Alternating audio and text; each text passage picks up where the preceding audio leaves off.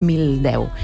Doncs Josep Ferrer, Àngel Soler, Patricia Denoy i Eduard Jané, moltes gràcies per venir a Ràdio Sant Cugat per fer repàs, història i memòria d'un equipament tan important com el Centre Cultural, com el Teatre Auditori aquí a Sant Cugat.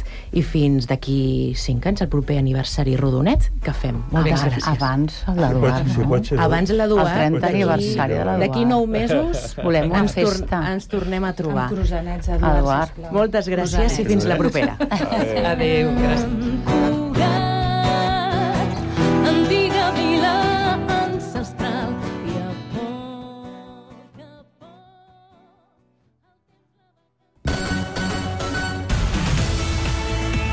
Ràdio Sant Cugat, Cugat Mèdia, notícies.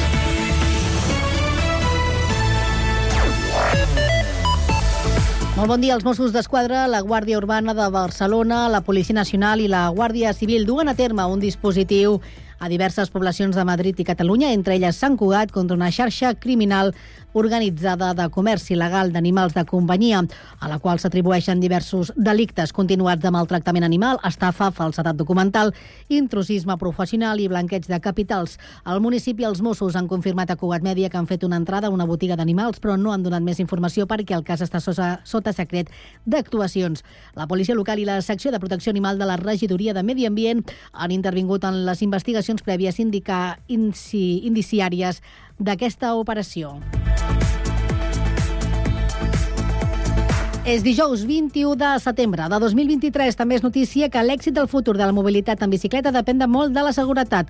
Ho diuen des de l'Assemblea de la Bici de la Setmana Europea, eh, en la Setmana Europea de la Mobilitat Sostenible i Segura que se celebra durant aquesta setmana i es tanca demà, divendres, amb el dia sense cotxes. De fet, aquesta tarda, el 22 de setembre, demà l'entitat organitza la pedalada Dóna-li la volta a l'Anella Verda, una acció que sortirà a les 6 des de la plaça de Lluís Millet i que donarà voltes per aquest eix de la ciutat, que consideren li manca seguretat. Ernest Vidal i Samuel Navarro, membres de l'associació, han participat aquesta setmana en el programa Entitats de Cugat Mèdia.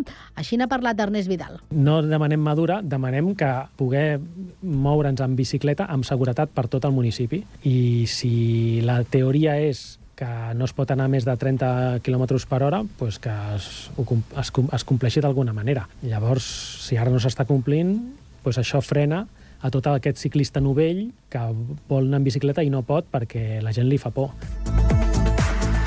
I com dèiem, la Rambla del Celler estarà tallada al trànsit entre la plaça del Celler i el carrer de Francesc Moragas aquest divendres entre les 4 de la tarda i les 8 del vespre amb motiu del dia sense cotxes. El mateix dia, a la tarda, a la plaça de la Vila també se celebrarà el taller Atrapa l'aire i la tradicional bicicletada sota el lema Pedalem pel clima. Amb aquestes dues activitats destinades a grans i petits exclou la Setmana de la Mobilitat Sostenible i Segura que s'ha celebrat del 16 al 22 de setembre a Sant Cugat. I el primer equip femení del Solideo Patí Hoquei Club Sant Cugat inicia l'hoquei Lliga aquest diumenge a un quart de cinc de la tarda rebent el Vilassana. Les Sant Cugatenques s'enfronten amb un dels equips més poderosos de l'hoquei europeu amb el subcampionat de Lliga d'Europa i de la Copa de la Reina. Les lleidatanes arriben a la cita després de finalitzar subcampiones de la Supercopa d'Espanya.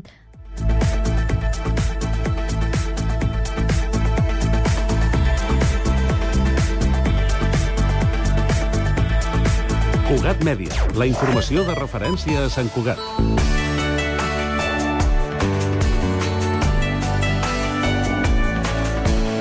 Ràdio Sant Cugat, Cugat Mèdia, 91.5 FM. Hora Sant Cugat, a Cugat Mèdia.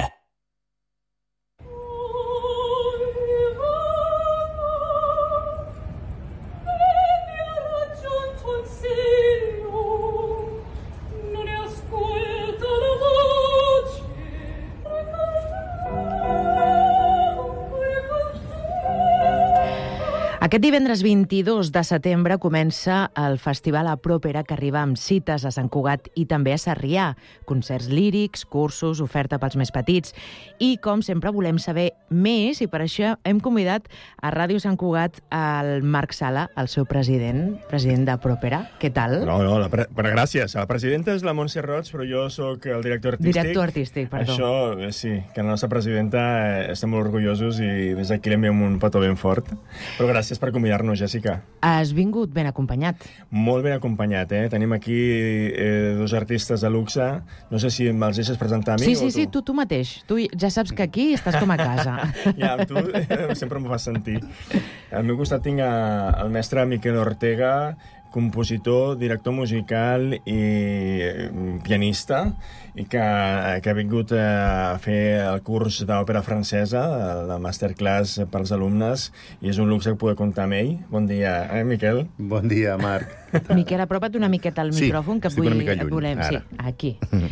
I també... I també tenim a, a, la, a la soprano Asil Massoud, que, mira, me fa molta il·lusió perquè la, la Sil eh, la vaig conèixer en, precisament en un dels cursos que a Propera fa per, eh, de perfeccionament per joves cantants Mm -hmm. i eh, va participar en el curs de bel canto amb Josep Bros i amb el curs de Mozart d'Ofèlia Sala i de fet en el de bel canto va guanyar el Premi del Públic en el concert final i això, doncs bé, la vam poder eh, portar aquí a Sant Cugat a cantar Anna Bolena aquí davant del monestir, que una Aquí la nit tenim? preciosa. Aquí la tenim? Hola, Sil.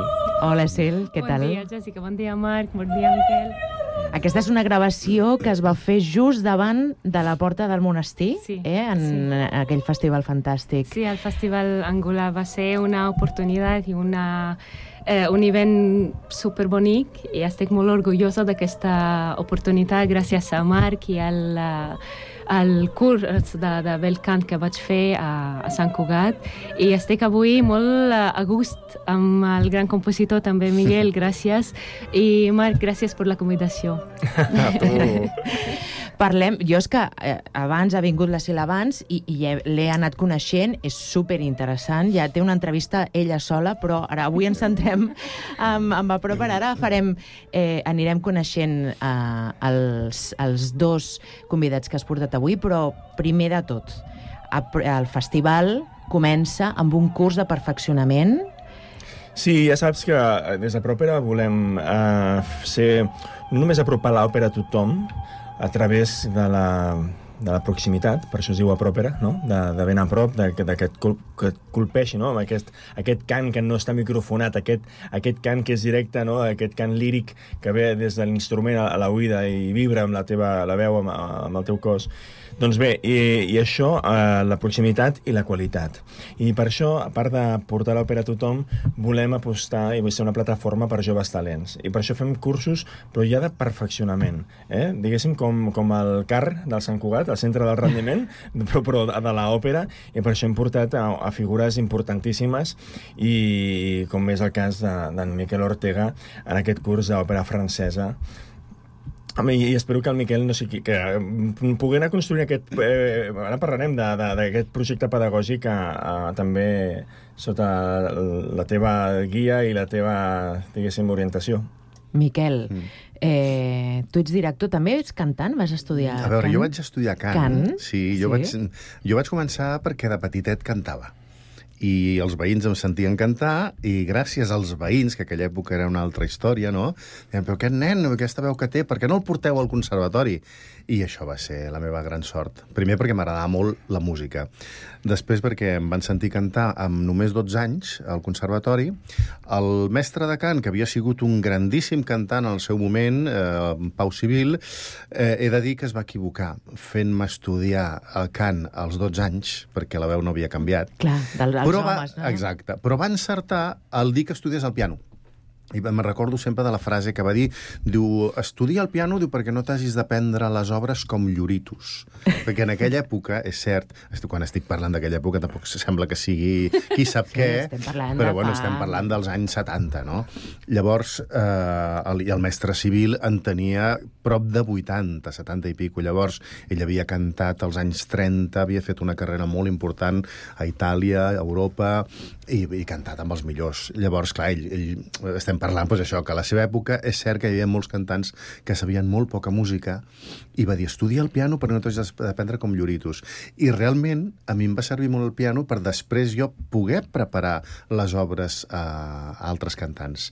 I bueno, tot això va anar evolucionant, ara seria molt llarg d'explicar, fins que bueno, vaig entrar de pianista al Liceu gràcies a, a un grandíssim cantant d'aquí casa nostra, Vicent Sardinero, que vaig tenir la sort de conèixer quan jo era molt jovenet, em va sentir tocar el piano, de fet em va, em va demanar que anés a casa seva per ajudar-lo a muntar una òpera, I ell va ser el que em va dur al Liceu, em van, vaig audicionar, només tenia 17 anys llavors, i em vaig quedar 10 anys de, de pianista repetidor al Liceu i d'assistent dels directors de cor després, del, mestre Romano Gandolfi, que era una, una gran figura, vaig aprendre molt amb ell, i tot això va fer que, mica en mica, m'anés portant també a la direcció d'orquestra.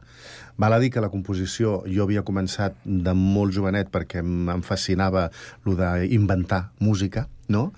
Però els estudis, mm, diguéssim, més fonamentats els vaig començar més tard. Però tot això, o sigui, gràcies al cant, a mi em va portar en el món de la música, em va portar a la direcció, al piano, etc etc. I això, que tenir un director i un compositor que hagi estat cantant, es nota la diferència? Us pregunto als cantants. Jo, sens dubte, perquè amb el Miquel, que he tingut la sort de, de, de veure el... Bueno, de rebre lliçons seves en una masterclass i per això és, és molt pedagògic i també de ser dirigit no, en concerts, doncs és una persona que coneix profundament les veus i profundament la música, la partitura com a compositor i eh, això es nota perquè aleshores eh, és una simbiosi perfecta vull dir-te, tot el que ella et demana és a favor de la veu i a favor de, de la composició està molt ben argumentat des dels dos aspectes i això jo crec que és tan valuós per, pels joves cantants que, que, que avui tenim aquí. Aquest inici, Miquel, m'ha recordat també l'inici de la SIL, que sí. també va ser una, una, una mica igual, no? que et van escoltar, et vas llançar a cantar des de petita a un concert Sí. i, i, i els teus pares van dir, ostres, però si aquesta nena canta. Doncs de la meva primera uh, ocasió de cant a l'escenari jo tenia 5 anys només. Uh. Doncs sí, escapant de la meva mare amb el públic a, a un concert Jugant de nens. entre sí, un concert? Jo vaig escapar a l'escenari i vaig trobar un micròfon i vaig començar a cantar. Doncs allà, eh, amb 5 anys, eh, vaig començar a fer cursos de piano, eh, classes de, de cant, i a los eh, 15 anys vaig decidir que jo volia només cantar, no volia ser eh, tocant instruments, volia cantar. I al 2009, amb la primera eh, cantant d'òpera a Síria, Arax Chiquejian, em va dir, ets soprano, anem al món líric. I aquí vaig acabar el, el grau professional amb la Meritxell Olaya al Liceu i vaig acabar el grau superior amb la gran maestra Carmen Bustamante. Que hem d'explicar que la Sila és de Síria i que portes a Barcelona 8 anys. Sí. 8 anys que has omplert anant al Conservatori del Liceu eh? i fent cursos a, a, al Festival de Pròpera i déu nhi la trajectòria que has fet. Eh, també és metge, musicoteràpia... I, I parla català com Pompeu Fabra. Sí, no? I parla Ja, català, parla català De fet. Barcelona em va donar una abraçada artística i acadèmica i social molt, molt important. I, de fet, també he ten, vaig tenir l'honor de cantar dos peces del compositor Miguel Ortega l'any passat i només al pensar en aquestes dues peces em- m'emociono. És La romanta de la luna luna, eh, poesia de Lorca, i l'altra és Memento. També de l'Horta. Dues peces meravelloses de música. Quina fantàstica coincidència. Sí. Sí. Eh, Marc, sembla Sí. que ho hagis fet a Em propòsit. sembla... és que aquí tenim qualitat, eh? Sí, És sí, que no, saps que no es portem- nota. Miquel, què ensenyes als teus alumnes i les teves alumnes? Doncs mira, el, eh, normalment quan treballo amb cantants mm, procuro que entenguin eh, el cant, ja sigui òpera o lit, jo faig més òpera perquè és el que més he fet, però també he fet molt, molta cançó de concert, perquè clar, com amb la meva vessant de pianista eh, jo continuo fent molts recitals no? amb, amb cantants, o sigui, faig la, les dues coses, dirigir i, i acompanyar a cantants. És cert que gairebé tota la meva um, trajectòria està encaminada cap al món líric, tot i que he fet molt um, sinfònic, però eh, diguéssim que això seria el que més. I llavors jo el que procuro amb els cantants és que parteixin de la base del text. No? O sigui, que entenguin bé el que estan dient, eh, que no s'oblidin mai de que són actors i actrius, fins i tot quan canten una cançó, perquè tu has d'explicar una història. No? Llavors això és molt important i a partir del text, que és el que ens donen els compositors, el, el detonant per fer la música, a partir d'aquí llavors ja comencem a analitzar el que seria la música no? com ha escrit el compositor aquestes notes per aquestes paraules, no? Eh, llavors, molt important, també ja, ja quan, anem, quan anem mirant la part aquesta que diem melòdica, que veure què hi ha sota què hi ha a la part de l'harmonia, perquè moltes vegades una nota no és el mateix si està... Intento explicar-ho per qui no sap res de música, eh? Sí, sí, així Eh, ens agrada a nosaltres que ens expliqueu. Exacte. Per exemple, hi ha una nota, mm, suposar, un, un do, no? que és la, mm Mhm. la primera nota no? de l'escala, el do. Aquest do no és igual si a sota hi ha un acord de do major o si a sota hi ha un acord de fa major. Perquè el do canvia de rol. És, és com si veiem un actor que en una pel·lícula fa un protagonista, no? Per exemple, Mhm. jo, jo tinc una sinfonia amb do major i el protagonista és el do. Però si jo tinc una, una sinfonia amb fa major, o una sonata, el que sigui, el do ja no és un protagonista, ja és un coprotagonista. Llavors això, portat al món de la música, vol dir que no és igual cantar aquest do amb, amb, estic fent un exemple molt simple, jo crec que es pot entendre. Eh, eh, no és el mateix aquest do en el- en el- en l'acord de do que en l'acord de fa. I ja després d'aquí podríem anar a buscar moltes més complicacions. Per tant, el primer que, que es fa quan et donen un tema o una cançó Mhm. és agafar paper i llapis, no? Per anar Hauria de apuntant. ser, hauria de ser això. Hauria de ser el primer de tot. Llegir-ho, fins i tot amb una cosa que és molt important per tots els músics i, evidentment, també pels cantants, el que en Pau Casals deia el treball de butaca que això m'encanta, no? El treball, això m'ho va dir el meu mestre, de, jo vaig estudiar uns anys violoncel per, per poder fer la direcció, m'exigien un, uh, un instrument de corda, i bueno, va ser una, una meravella poder tocar uns anys el, el violoncel, i el meu mestre, que havia conegut a Pau Casals i tal, eh, era Ernest Xancó, que havia primer violoncelista de l'orquestra del Liceu, ell em deia això del treball de butaca, Diu que el que feia en Pau Casals, que seia a la butaca amb la partitura. O sigui, deixa l'instrument a part, agafa la partitura i comença a mirar, a analitzar, a pensar. I jo crec que és molt important per tots els músics, pels cantants, per descomptat. Els cantants han de fer el, el treball, a més a més, amb el text. Això, això a Itàlia diuen il lavoro al tavolí. Il lavoro al tavolino, exacte. Eh, al Sí, ta- a la senyor. taula. Vull dir, sentat a la taula i no al piano, sinó a això fer. Sí, senyor. Sí. Això imagino que depèn de cada director, no? Us va guiant d'alguna manera? O... Jo, jo crec que això és molt important que, que ho aprenguem perquè és una feina que hem de fer nosaltres, els cantants i els, Mm. qualsevol instrumentista a casa. I una altra cosa que, que els hi dic sempre als cantants és que eh, recitin el text del que han de cantar. I que intentin dir-lo com, com un actor ho diria, o una actriu. No? Que ho diguin de la millor manera possible i que llavors es fixin com ha fet el compositor o sigui, el que és molt important la, eh, respectar la prosòdia, no? o sigui, els accents i tot de, de la música. Hi ha, hi ha autors que ho respecten més que altres, però si el cantant llegeix això com un, eh, com un actor, després també li va molt més bé a l'hora de cantar-ho. Mhm. En aquesta ocasió, en aquest festival, aquest curs està orientat, perquè cada curs, cada any, Sí. està orientat a un, Un tema diferent. A un tema en diferent. aquest cas, l'òpera francesa romàntica, Bizet, Gounod, Massenet, eh, autors mm, preciosos, i això, clar, es traduirà en el primer concert del festival, que sí, a com has dit abans, eh, la novetat d'aquest any del festival és que eh, el fem aquí a Sant Cugat, però el portem a l'altra banda de Collserola, i el portem... Ho fa així que perquè dit s'ho és molt està organitzant, eh? Eh, i, Això. i anem a, anem a, a, a Sarrià, a Teatre, de- a Teatre de Sarrià, a Barcelona, on repetirem.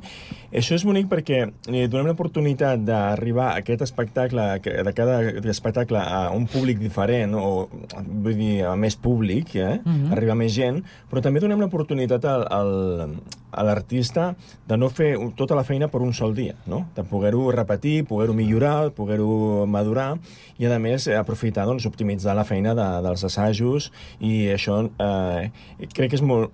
Esperem que, que, que puguem fer-ho sempre així, i inclús portar-ho després, per què no, alguns espectacles per, per Catalunya i portar l'òpera a tot el territori.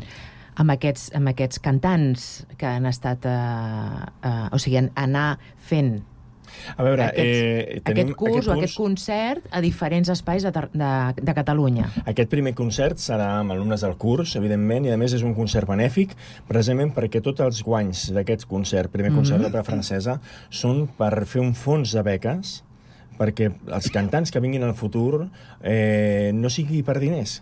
Vull dir-te que el talent no, primi més enllà de la capacitat econòmica d'aquell cantant. Mhm. Tant de bo no tinguin que pagar res, tant de bo trobem un sponsor que aposti pels joves talents i aleshores estem buscant eh, tot aquest recolzament i també del públic per poder fer créixer aquest Opera Studio i amb això ja un, tornem un altre dia amb el Miquel a parlar-te Mhm. d'això, jo crec que val la pena perquè ens agradaria fer òperes, no un concert, no, òperes amb aquests joves talents mesclats inclús amb professionals professionals per créixer a les taules, créixer artísticament a l'escenari, poder-ho posar en pràctica, i això es necessita doncs, eh, el, un recolzament econòmic i per això farem aquest fons de beques perquè els cantants puguin aprofitar-ho.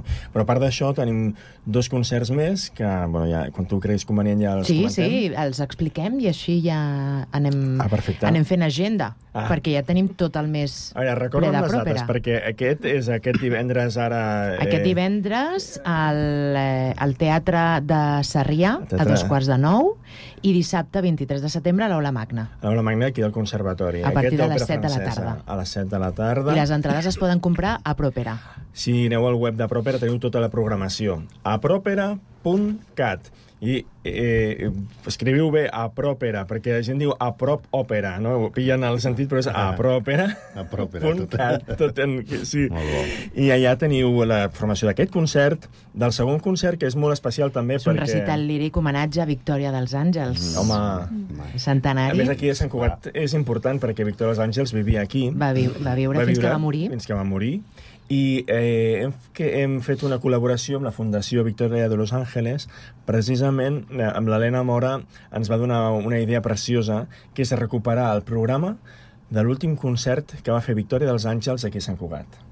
Amb o sigui que- el Guinovart. amb Albert Guinovart i el piano. I aleshores eh, portarem, a aquest cas, a Mercedes Gancedo, soprano, i a Francisco Poyato, que són pianista, que són excel·lents, uh, a, a reproduir aquest concert que també farem aquí a Sant Cugat i a Sarrià. A Sarrià serà el 19 d'octubre a les 8, al Teatre de Sarrià, i el diumenge 22 d'octubre a partir de les 7, a l'Aula Magna de Sant Cugat, Correcte. de l'Escola de Música Victòria, dels Àngels. Clar, que està a la plaça Victòria dels Àngels. També, sí. I després, el 27 d'octubre, a les 8, al Teatre de Sarrià, i el 28 d'octubre a les 7, a l'Aula Magna, el concert líric amb la Serena Sáenz i l'Antoni Lliteres. Sí, això és acabar forts, eh? Molt bé. Què et sembla? Mm. És, Serena Saenz és una, una gran amiga i col·lega que ara està triomfant pel món. Ara mateix està a l'estat super de Viena, no només et dic això, i, i l'enganxem just a Barcelona abans d'anar-se'n a Berlín per poder fer una altra producció i hem tingut la sort de que tenir les dates lliures per poder venir a fer aquest concert de Cluenda Serena Saenz, soprano, i Antoni Lliteres, que és un magnífic tenor, bon amic, amb una veu esplèndida, amb un, una potència i uns aguts que, que crec que us deixarà tots eh, bueno, eh, eh, meravellats. Meravellats. I després, el 28 d'octubre, a dos quarts d'una a l'Aula Magna de Sant Cugat i el 29 d'octubre a dos quarts també d'una del Teatre de Sarrià, una activitat molt especial, espectacle musical familiar, que Sí. això ho feu com a pròpera per apropar els més petits És una producció pròpia, com tot el que fem, que és, eh, exacte, no ens oblidem de les famílies i dels petits. Des de ben petits, tenir òpera i, anar-se familiaritzant, normalitzant que un senyor et pugui, o una senyora, o un noi o una noia pugui cantar líric i no t'espantis, no? que sigui normal. I, a més, això també és bonic perquè anem sumant aliances, en aquest cas amb la Fundació per a Catalunya, i per això dediquem l'espectacle familiar a Romeu i Julieta de Charles Gounod, bueno, de Shakespeare, però amb la música de Charles Gounod, que és precisament l'òpera que estaran aquests dies fent de gira, a la qual precisament jo hi participo també, casualitat, però que és una manera, trobem, d'ensenyar una història universal de Shakespeare als nanos i als seus pares, amb una música universal que és la de Gounod, mm, i no només arribes als petits, sinó també arribes a aquests pares de 30, 40 anys. Indirectament, Indirectament, i els dius, escolta, que la setmana que ve, si vols, pots anar a veure aquesta òpera amb tota l'orquestra, tot el tot el cor, i aquí tot. al Teatre Auditori de casa teva, convida el teu sogre o el... convida el teu nebot, que, que quedaràs bé, i aneu a l'òpera. Eh, això és per nens, per infants, orientat per infants, eh? i els seus pares, de 6 a 12 Sí. anys. Això, com dèiem, el 28 d'octubre i el 29 d'octubre.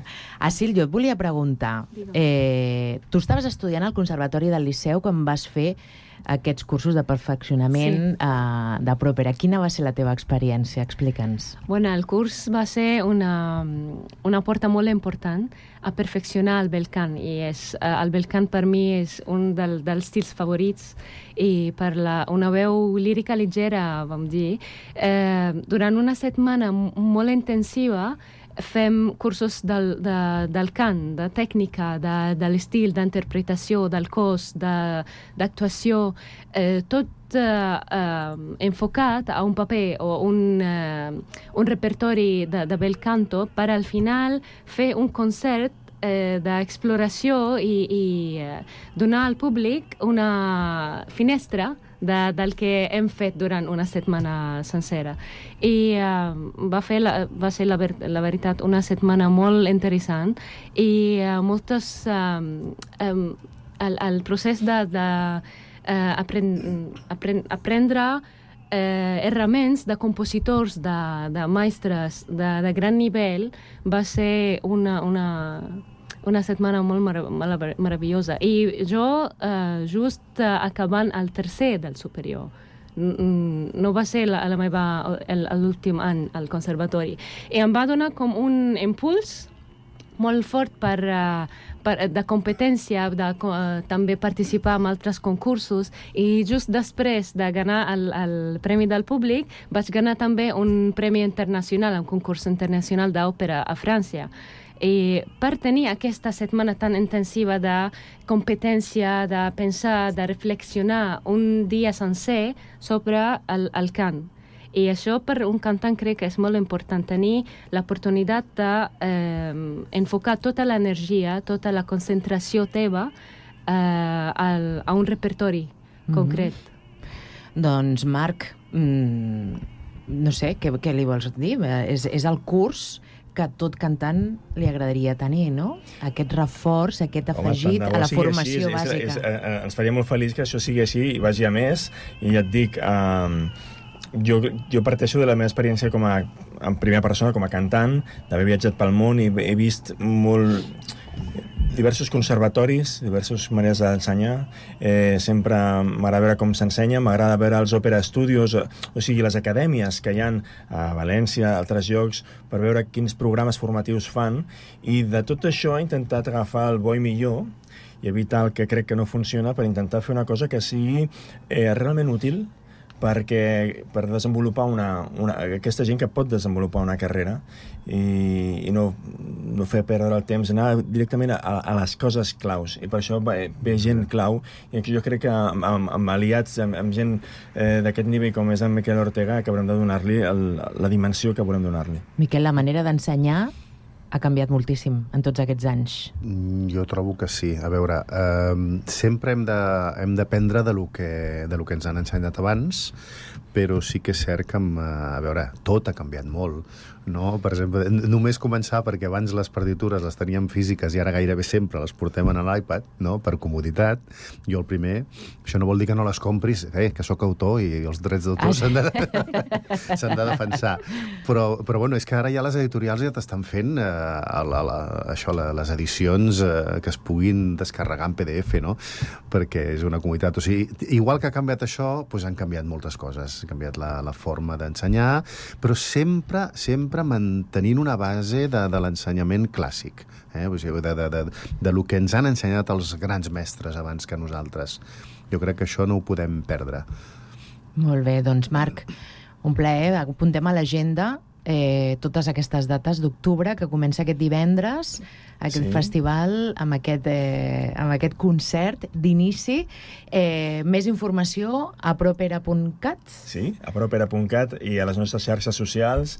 Esperem que, que sigueu curiosos, que vingueu i que porteu a molta gent, que sigueu ambaixadors de l'òpera i, la, i ens ajudeu a, a fer-la arribar i fer-la gaudir a molta més gent. Doncs, i gràcies, Marc, per portar-nos aquests convidats. Sí, tenir l'oportunitat de conèixer el Miquel Ortega, a Ortega i a Sil Massud. Moltes gràcies, per venir a Ràdio Sant Cugat i fins la propera. Molta sort aquests Gràcies. dies. Fins aviat, moltes gràcies. Gràcies. Des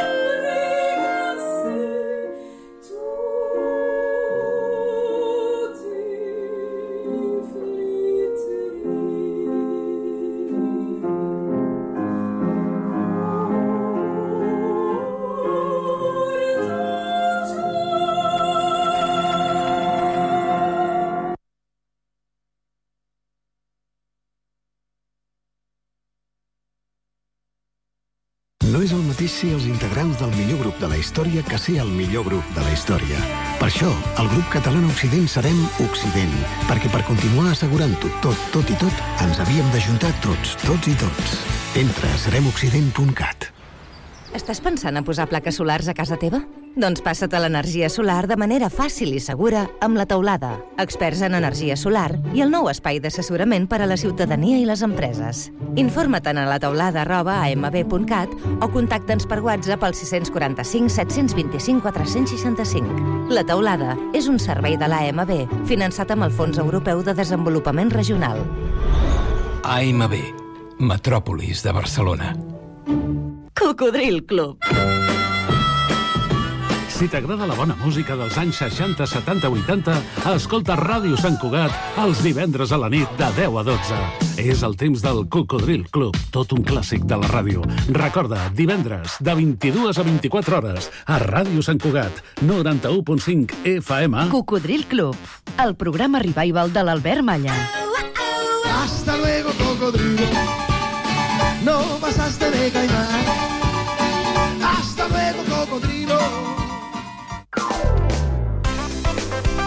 Ràdio Sant Cugat, Cugat Mèdia, www.cugat.cat. Hora Sant Cugat, a Ràdio Sant Cugat.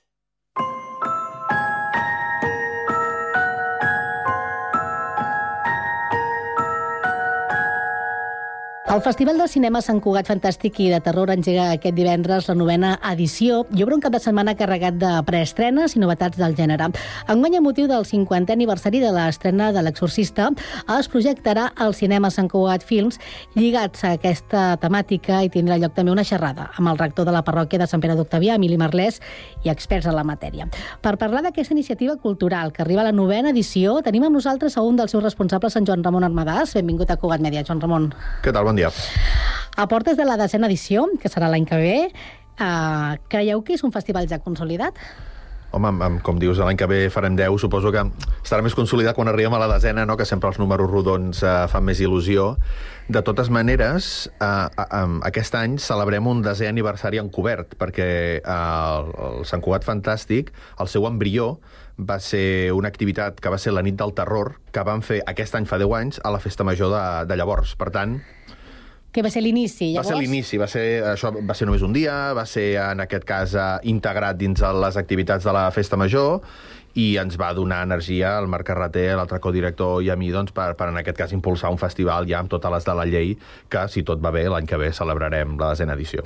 I com han estat aquests nou anys de camí Ah. Doncs fantàstics, amb, amb, molta, amb molta varietat, amb, amb, amb molts convidats, allò, mi, mirant enrere, doncs hem tingut en personatges com en Richard Stanley, no sé, actrius com la Macarena Gómez, uh, i sobretot de, de parts de les que estem molt orgullosos, és d'haver portat any rere any un munt de talent mm, català, no? I, I sempre intentem dedicar el diumenge a pel·lícules i curtmetratges de directors catalans, i això ho hem anat mantingut cada, ho hem anat mantenint cada any, i si ho hem pogut fer és senyal que això existeix. O sigui, que hi ha directors i directores catalans que fan cada any curtmetratges i pel·lícules de temàtica fantàstica i de terror. Per tant, eh, eh, ens enorgulleix no només, diguem, recopilar-los, sinó també que això continuï passant i és una mostra doncs, que en aquest país aquest tipus de gènere té molta tradició, té molta empenta i hi ha molta gent amb moltes inquietuds per donar-lo a conèixer i explorar-lo. Creieu que altres festivals d'aquest gènere no se centren tant en pel·lícules uh, fets uh, per cineastes catalans? Uh.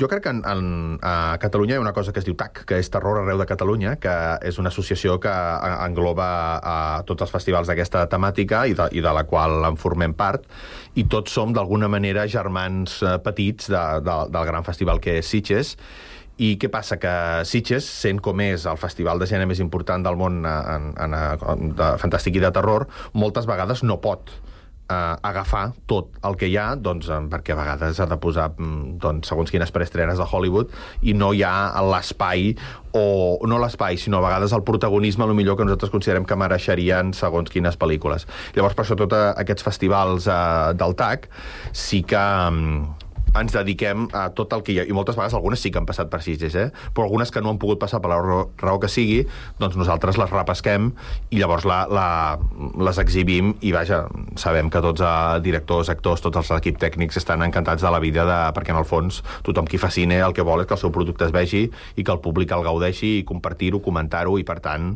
Uh, és una alegria per ells i per nosaltres. De fet, el vostre festival arriba a Sant Cugat aquest cap de setmana, comença divendres, acaba diumenge, eh, són uns dies abans de que comenci el Festival de Sitges, de Sí. fet.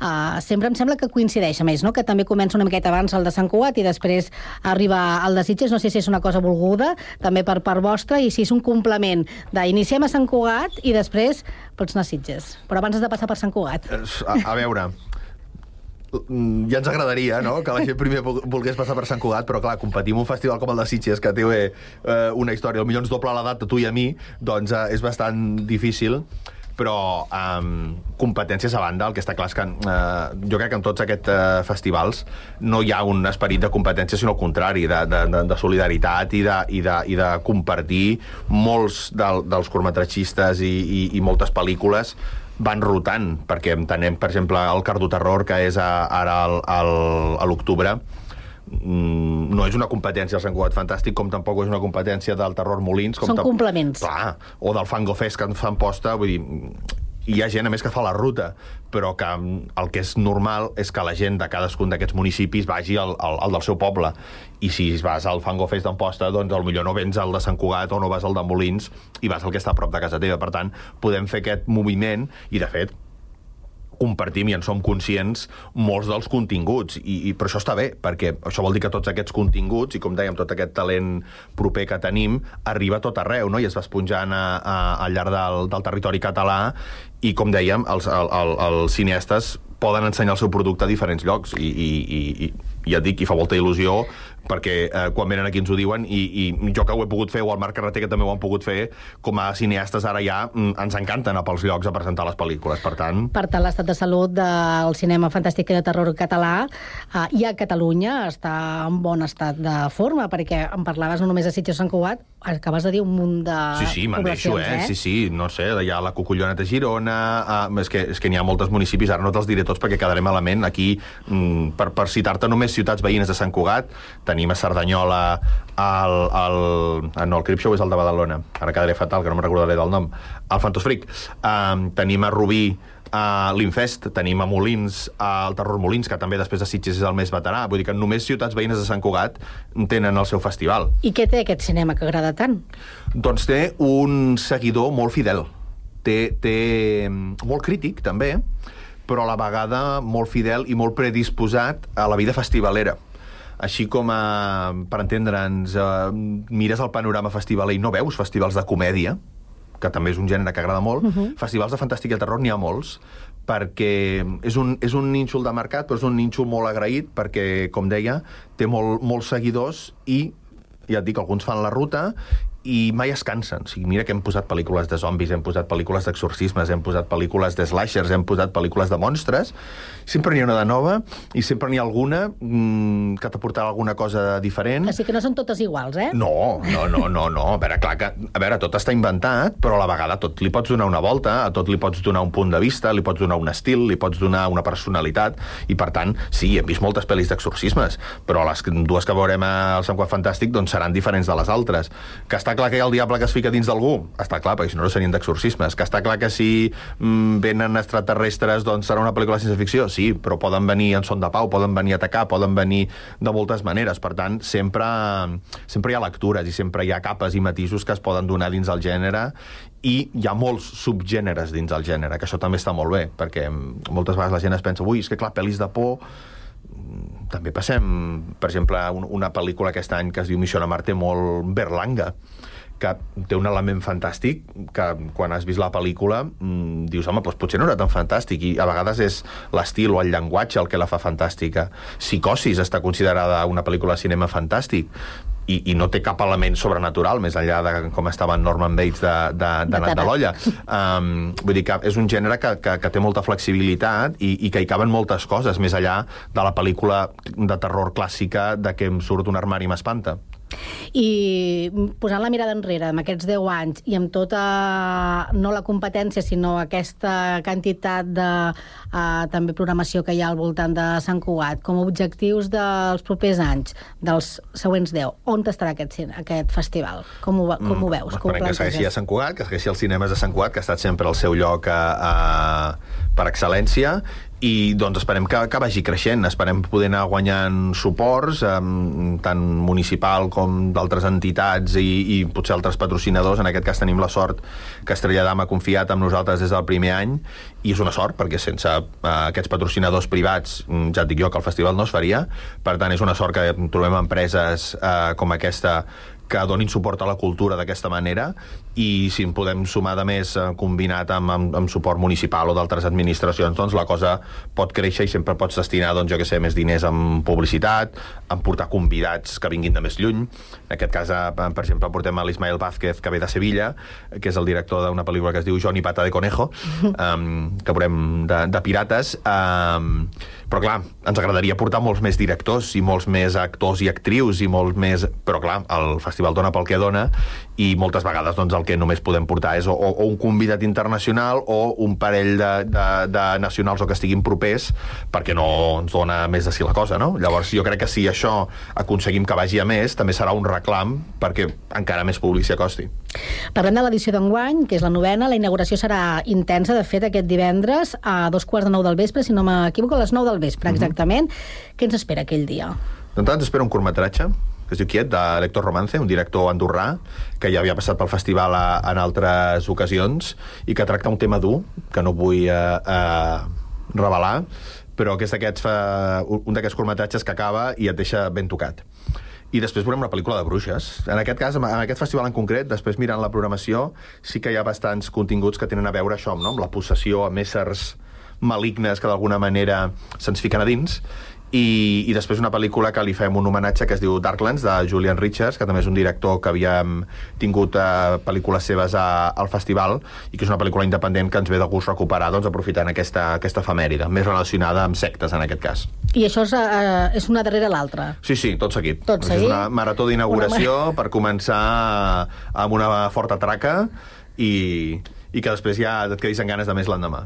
Serà dissabte, de fet, el festival s'allarga durant tot el cap de setmana. Com dèiem, els cinemes viuran una marató diabòlica, també de temàtica exorcista, que comptarà més enllà de les projeccions de la xerrada especial Exorcismes, Realitat i Ficció, amb el rector de la parròquia, com deia abans també a l'entrada uh, de l'entrevista de Sant Pere d'Octavià, el mossèn Emili Marlès, i altres experts en la matèria. A veure, de què tracta això? Veurem el mossèn dintre del festival, això. Doncs sí, ens fa molta il·lusió, perquè una de les coses que, que ens agrada és, uh, uh, com dèiem, apostar pel talent local, i en aquest cas proper del tot, perquè és de Sant Cugatenc. Uh, I parlant d'exor- d'exorcismes, Uh, està clar que sempre pots fer una xerrada, un homenatge, fins i tot projectar la pel·lícula de l'exorcista que aquest any fa 50 anys i a més que tot just s'ha mort el seu director William Fredkin. Uh, per tant està més d'actualitat que mai ma- malgrat uh, uh, que ja tingui 5 dècades. Um, buscant uh, com donar-li una volta a aquest aniversari doncs el primer que vam pensar és ostres, anem aquí a la porta de casa no? anem a trucar a la porta de, De de, de l'abadia a veure si... i sí, sí, vam, vam parlar amb, amb el mossèn ja li vam advertir on se'ls ficava un festival, parlem d'exorcistes possiblement al pòster hi hagi alguna cosa satànica i diabòlica però bé, bé, uh, de fet Uh, encara que sembli un tema molt tabú, l'Església oficialment té exorcistes. Cada diòcesis té un exorcista. Vull dir que això malgrat sembli ficció, és realitat. En aquest cas, la- la- l'escriptora Teresa Porqueres, que va fer un llibre sobre l'exorcista de la diòcesi de Barcelona, també és l'altra professional que ens acompanyarà, juntament amb el Marc Carreter, que ha fet una pel·lícula sobre exorcistes, i a part de ser el codirector del, del festival, doncs... Comodèxia, no? Esmodèxia, sí. Sí. Uh, que tot just aquest any també es compleixen 10 anys del seu rodatge. Per tant, hem pensat, ja que tenim dos talents locals com el Marc Carreter i el mossèn Emili Marlés per parlar de la matèria, i en aquest cas la Teresa Porquera ens aportarà una visió externa i ella com a estudiosa del cas, però serà molt interessant eh, aquest triumvirat o aquestes tres persones com, a, com abordaran el tema, no? com el Marc Carreter va pensant en l'exorcisme des de la ficció i, per exemple, tots els clichés o tòpics dels exorcismes, no? que si s'ha de parlar en llatí, que si la creu, que si l'aigua beneïda, i potser mossèn Emili ens explica que tot això mm, és cine i no és realitat. O sigui, com són els exorcismes de veritat? Perquè passen, doncs, mm, qui millor que una persona que té relació directa amb l'Església perquè ens ho expliqui, no? Això té molt de suc, eh? Home, jo crec que sí, jo crec que és molt interessant. Espero que la sala estigui plena. Jo, jo, jo si no fos el director del festival, ja aniria, perquè, vaja, em genera una curiositat espectacular. Però llavors després es desmuntarà la idea de la pel·lícula justament que eh, celebra el 50 aniversari de l'exorcista, no? que és Però no totes passa aquelles res. imatges tan emblemàtiques. El, el, el cinema a, a, ens ha mal acostumat a una sèrie de tòpics i clichés que són així i no sé, tu quan vas amb el cotxe no parques mai davant del lloc on vas, i al cine sempre passa. Uh, hi ha una sèrie de, de mm, tòpics que continuen passant, però el que a, a mi em sembla molt interessant és saber quins s'han perpetuat en el cinema i per què. O sigui, què va fer si és que va fer alguna cosa a l'exorcista, al millor per tergiversar o per enganyar-nos, si és que va ser així, de com són els exorcismes de veritat. Estic segur que els exorcismes de la pel·lícula no són com són els de, la, els de veritat. I, en canvi, ha marcat una tendència, ha marcat una estètica aquesta pel·lícula, va ser molt important i ha tingut centenars d'imitacions i de tributs i, i, i de pel·lícules que recorden a a l'exorcista William Fredkin. Per tant, eh, en, la, en la mesura que tenim una persona, dues en aquest cas, perquè la Teresa Porqueres també ha estudiat eh, exorcismes reals, com eh, que aquestes dues persones eh, i, i tenir un cineasta que ens pot aportar, a lo millor, la, la visió no contrària, però sí complementària, no? de, de com el cinema, com en aquest cas la cultura, s'ha aprofitat d'aquesta realitat, que són els exorcismes, per generar un espectacle, que són les pel·lícules d'exorcismes, no? I, i Vaja, jo ja et dic, jo si no fos perquè hi estic darrere, eh, és una xerrada que m'encantaria anar i que tindria, com a, com a fan del cinema, tindria molta curiositat per saber què és veritat i què no. I per qui vulgui eh, anar i que ens estigui escoltant, això és dissabte a les 9 del vespre, la Correcte. Marató Diabòlica, per si hi ha, hi ha gent que diu "M- m'ho estic apuntant ja a l'agenda perquè no m'ho vull perdre, perquè pot ser molt interessant. I efectivament, primer hi haurà la xerrada, en aquest cas, I després- i després dues pel·lícules, una que es diu Trece exorcismos, que en De aquest Jacobo cas... Martínez. I que tenim a José Sacristán, també amb un cognom interessant per fer de pare exorcista, eh, que automàticament ens recordarà, segurament, a la figura de l'exorcista de la pel·lícula William Fredkin, vull dir que podrem fer els paral·lelismes amb, amb aquest homenatge i, que, i després la pel·lícula de Marc. Carreter d'Esmodèxia. I també altres propostes, ja en clau internacional, no? Monstros i Fit Me. Sí. Mm, això eh, per completar i sempre intentem que hi hagi varietat dins del gènere, com dèiem, com que té molts subgèneres, doncs que en aquest cas tenim bruixes, tenim canibalisme, tenim monstres, tenim exorcismes, doncs que hi hagi un ventall molt ampli. I hem trobat aquestes eh, dues pel·lícules eh, monstruos, ja està clar de què va, el propi nom monstruós ja et diu que en aquest cas hi haurà éssers malignes en forma de monstres amb tentacles que amenaçaran a la Cristina Ricci, que és la protagonista, i, i el seu fill, De nou de moda, Cristina Ricci, de perquè nou de surt moda. a Wednesday, a miércoles. Sí, sí, la- l'hem recuperat. eh, Era, era la, la Wednesday antiga, Sí. sí. antiga pels que, pels que estava, perquè érem joves als 90, Sí, encara sí. n'hi ha una més antiga, però aquesta no està feta aquesta pel·lícula, i efectivament, molt, molt, molt d'actualitat. I després Fit Me és una d'aquestes pel·lícules pertorbadores sobre un home que no supera una pèrdua i es deixa entabanar per una persona que li introdueix el canibalisme, vull dir que coses, coses molt divertides i molt interessants de descobrir. I com deia el Joan Ramon, a l'inici de l'entrevista no s'obliden del cinema de casa, perquè precisament diumenge es programa la preestrena de, aviam si dic bé, Emerge? Eh, sí, és Emerge. És, Emerge, sí, val. sí, sí, sí. del sardanyolenc Rafa Dangrà, per tant, un veí a més, d'aquí Sant Cugat. És eh? el, el, el director justament del Fantòsfric de Cerdanyola i és una persona que hem tingut també com a jurat vull dir que hem tingut també alguns curtmetratges seus del festival i el tenim literalment a la porta del costat per tant, eh, encantats de, de que vingui, de que ens presenti la seva pel·lícula i, i d'extendre tota aquesta companyonia que hi ha entre la gent que no només que fa el cinema, sinó que fem a, a aquests festivals.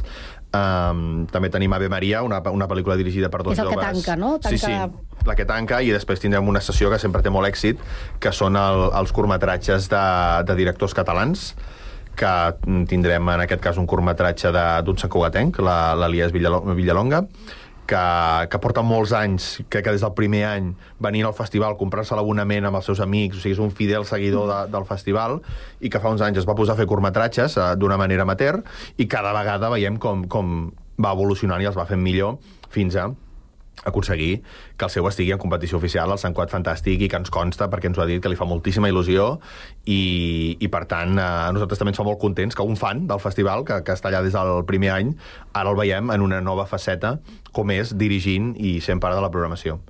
I molt cinema en català, però sense cinema de direccions catalanes, però em sembla que poc en català. Pot ser que sigui molt... En català eh, costa. Costa, oi? El gènere en general costa. Això és el que volia preguntar. És a dir, el gènere és un gènere que tendeix molt a estar castellanitzat. Mm, A veure... O, o, o també molt en anglès. A veure, hi ha, hi ha de tot, eh? I el, el que passa que ja, ja, ja no és, per mi no és un tema del gènere, és un tema del cinema en català en general. O sigui, no, no és que no hi hagi pel·lícules de gènere en català, és que quantes comèdies hi ha en català, mm, quants thrillers hi ha en català. Costa que la llengua... Correcte, el que costa és fer cinema en, En català, català. no fer cinema de gènere en català, aquest és un altre pas, però fer cinema en català Si es fa molt costa. cinema català, de gent catalana, però... Clar, mira, el Bayona mateix fa Sí, sí, sí. cinema sí. català. Però no en català. A Hollywood ja um, dirigint El senyor dels anells, la sèrie més uh, uh, cara de la història, per posar-te un exemple.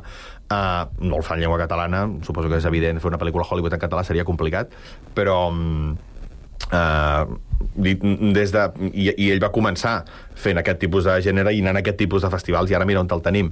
Però jo crec que el problema no és el gènere en català, sinó és el cinema en català en general. Cada any uh, si marquem com a referència els Premis Gaudí, que són els que premien el cinema català, no només en català, a pel·lícules que competeixen a la millor pel·lícula, o sigui, en català, uh, hi ha hagut anys que n'hi havia cinc, i se'n nominen quatre, per tant és que només per fer-la gairebé entres. I últimament ha anat pujant, però ha anat pujant vol dir que en tenim 9 o 10 sense comptar les pel·lícules per a televisió i sense comptar documentals, eh? O sigui, estem parlant de ficció, que també, també són en català i també les haurien de comptar, eh? Però marcant la categoria, diguem que més titulars omple, que és la de millor pel·lícula, hi ha molts anys que no hem arribat a 10. I això és molt preocupant com a sector. Creus que com a creadors, els creadors ja volgudament no ho fan en català perquè volen que tingui aquella projecció que saben que potser llavors si la fan en català no la tindran? jo crec que algú encara té aquesta mentalitat. Crec que aquesta mentalitat, per sort, està canviant, perquè, mm, mm, i més recentment, vull dir, una pel·lícula en català guanyat el Festival de Berlín, que ho diem molt alegrement, però això és un, una fita importantíssima. Um, una pel·lícula en català l'any passat, Creatura de l'Helena Martín, estava al Festival de Cants.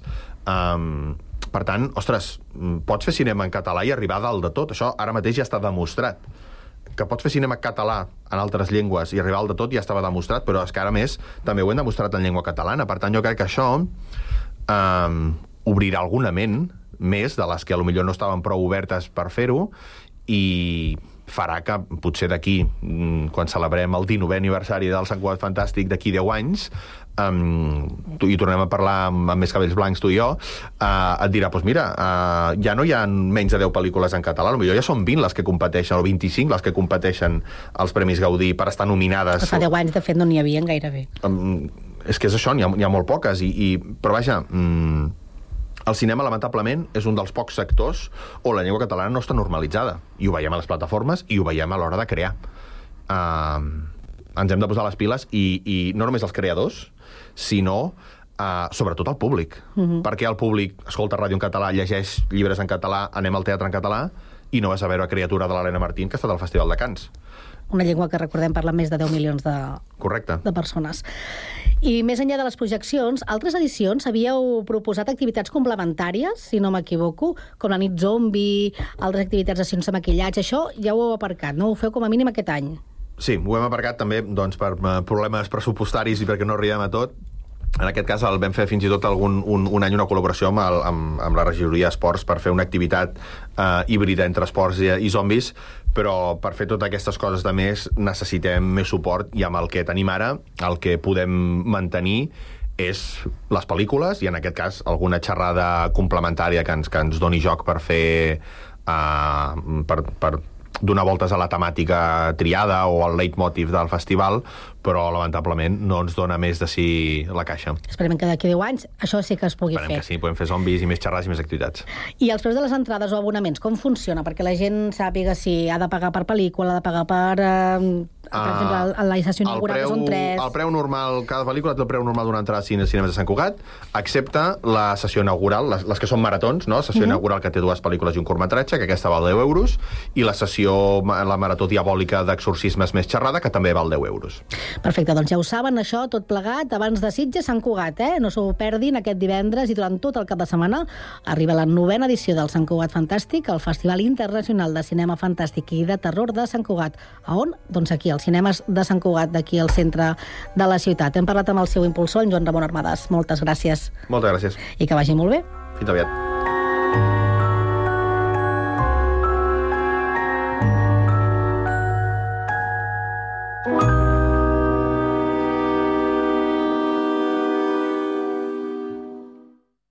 La banda sonora de la teva vida.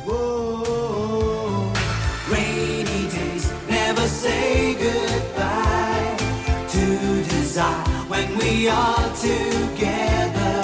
Rainy days growing in your eyes. Tell me where's my way? Seleccionem la millor música per fer-te ballar, emocionar-te o sentir.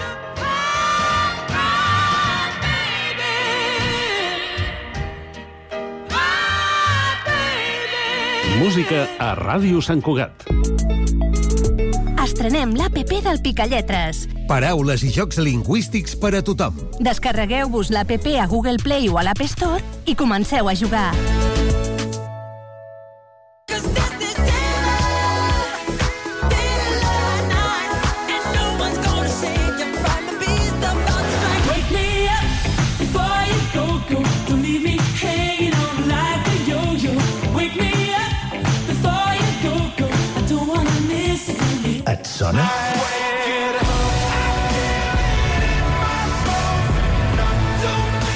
Música que vols. A Jukebox.